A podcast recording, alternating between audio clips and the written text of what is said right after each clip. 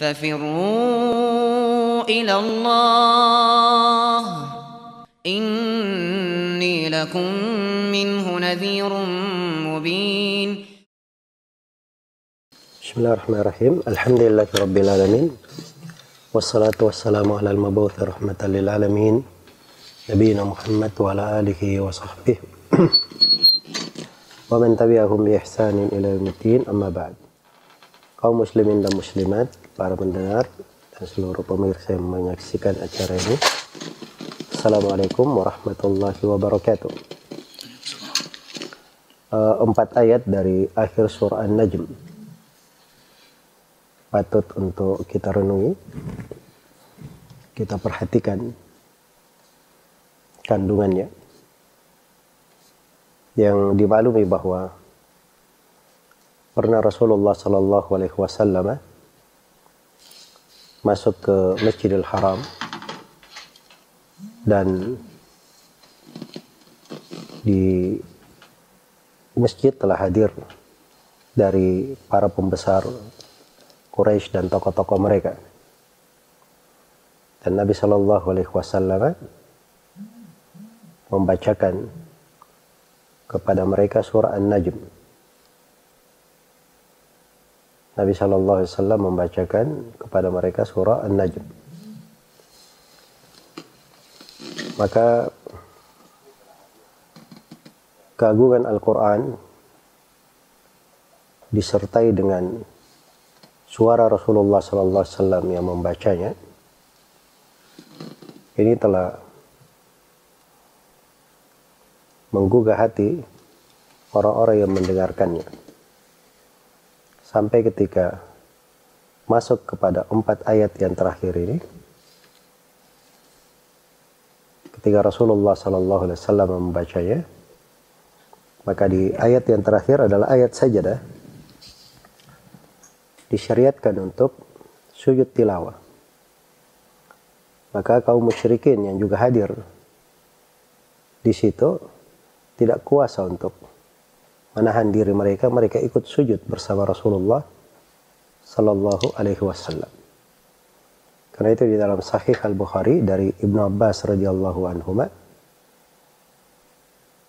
beliau berkata, "Anna Rasulullah Sallallahu Alaihi Wasallam sajada bin najmi wa sajada ma'ahu al-muslimuna wal musyrikuna wal jin wal ins."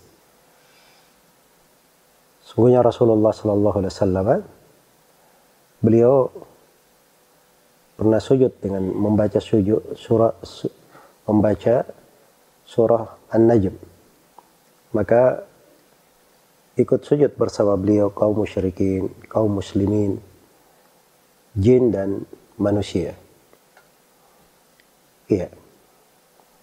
Nah ini dari keagungan surah ini terkhusus empat ayat yang terakhir yang kita akan jelaskan di sini. Apa min hadzal hadithi ta'jabun? Wa tadhakuna wa la tabkun? Wa antum samidun? Fasjudu lillahi wa abudu. Apakah dari pembicaraan ini, dari Al-Quran ini, kalian terheran-heran, kalian merasa takjub.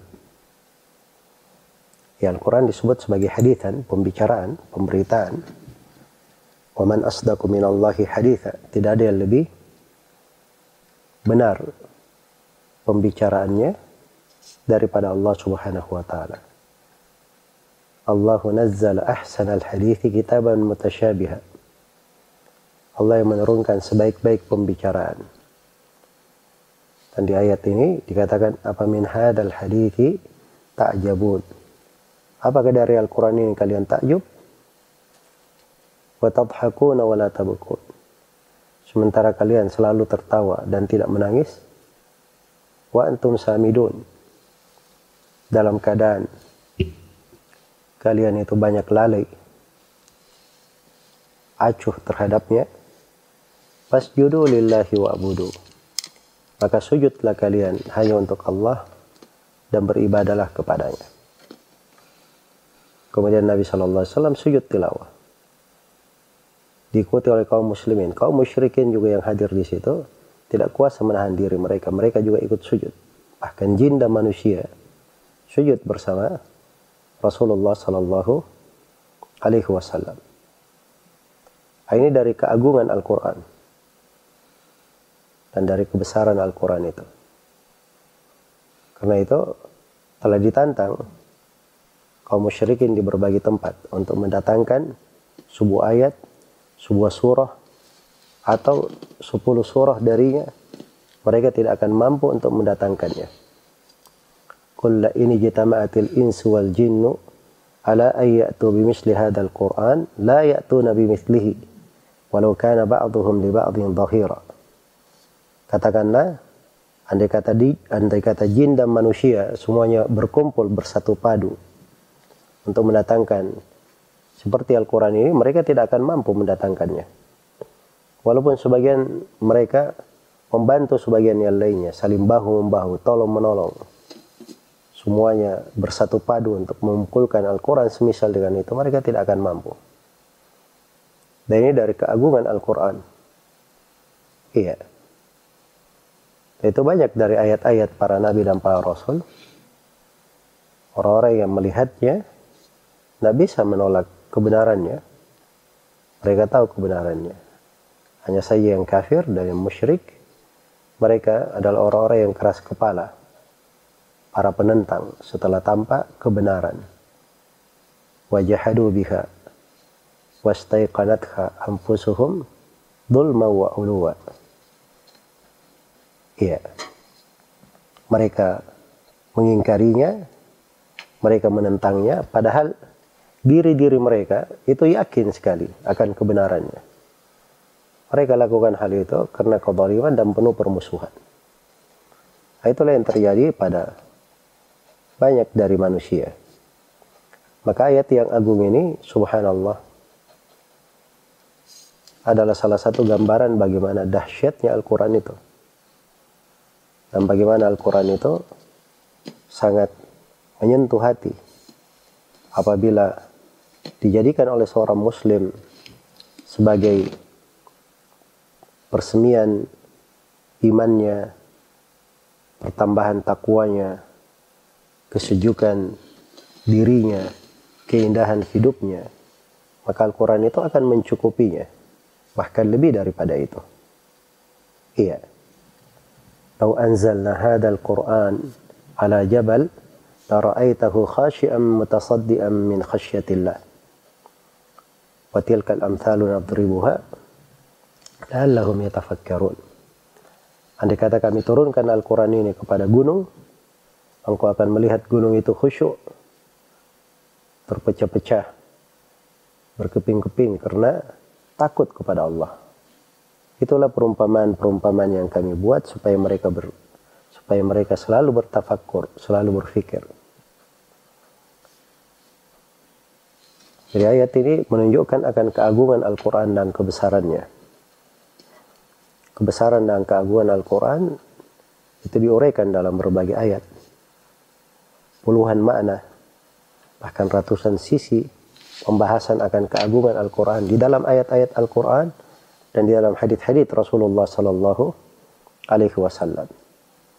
Ini panjang untuk diuraikan dan ditulis oleh para ulama buku-buku khusus terkait dengan keutamaan Al-Quran, ada yang tentang keagungan Al-Quran, ada yang keutamaan Al-Quran secara umum, keutamaan sebagian surah, dan sebagainya dari tulisan-tulisan seputar keagungan Al-Quran.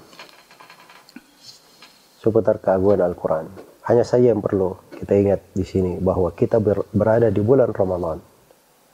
Bulan ini punya keterkaitan khusus dengan Al-Quran Allah Subhanahu wa taala berfirman, "Syahrul Ramadan alladzi unzila fihi al-Qur'an hudan lin-nasi wa bayyinatin minal huda wal furqan." Bulan Ramadan yang diturunkan padanya Al-Qur'an sebagai petunjuk bagi manusia dan kejelasan-kejelasan yang mengandung petunjuk dan pembeda. Inna anzalnahu fi lailatin mubarakah Sungguhnya kami turunkan Al-Quran itu di malam yang berkah. Inna anzalnahu fi. Sungguhnya kami turunkan Al-Quran di malam Laylatul Qadar. Dan malam Laylatul Qadar itu adalah di bulan Ramadan. Adalah di bulan Ramadan. Al-Quran ini diturunkan di bulan Ramadan. Punya keterkaitan khusus dengannya.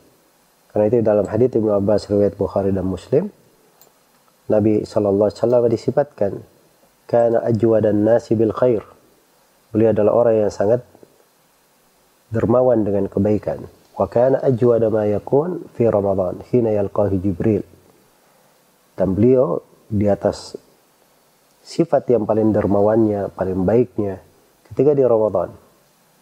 Ketika beliau dijumpai oleh Jibril, payudari suhul Quran. Maka beliau kembali mudarasah, mempelajari Al-Quran, membacanya.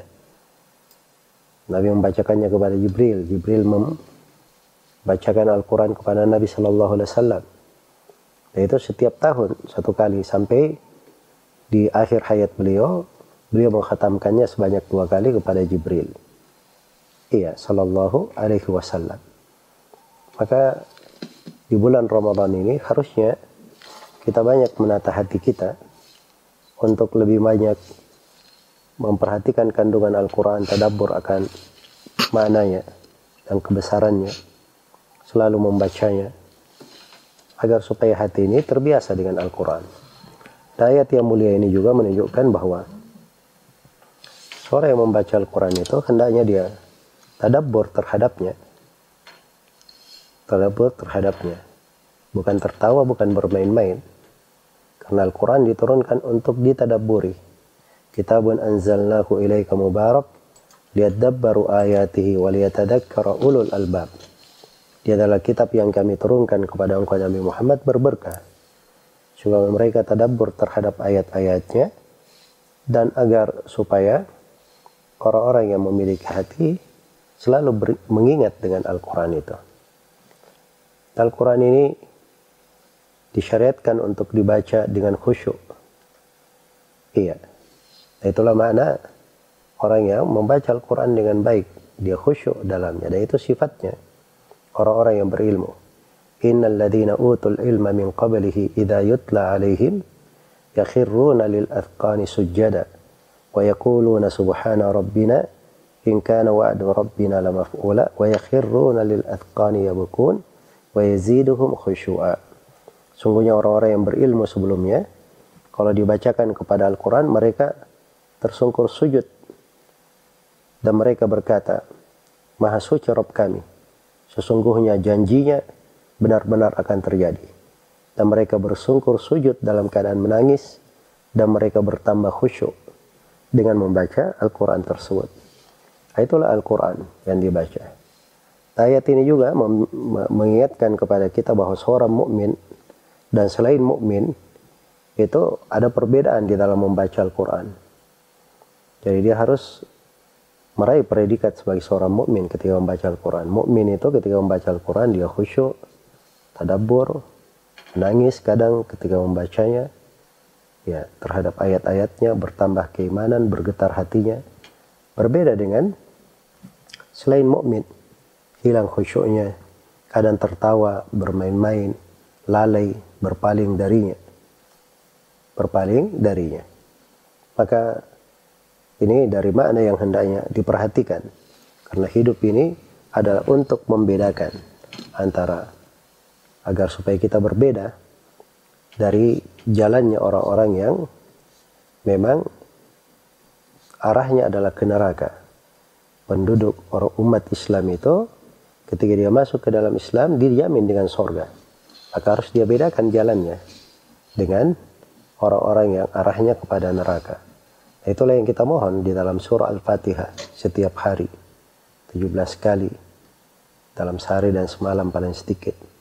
Ihdinas siratal mustaqim siratal ladina an'amta alaihim gairil maktubi alaihim waladhdallin. Iya. Untuk membedakan antara jalan yang lurus dan jalan orang yang dimurkai dan orang yang disesatkan. Sebagaimana Al-Quran itu sendiri adalah furqan.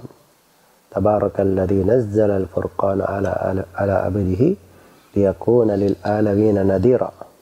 Berkah Allah yang menurunkan Al-Quran, Al-Furqan, pembeda, supaya menjadi peringatan untuk semesta alam. Dan ayat ini dari ayat-ayat sajadah. Artinya apa?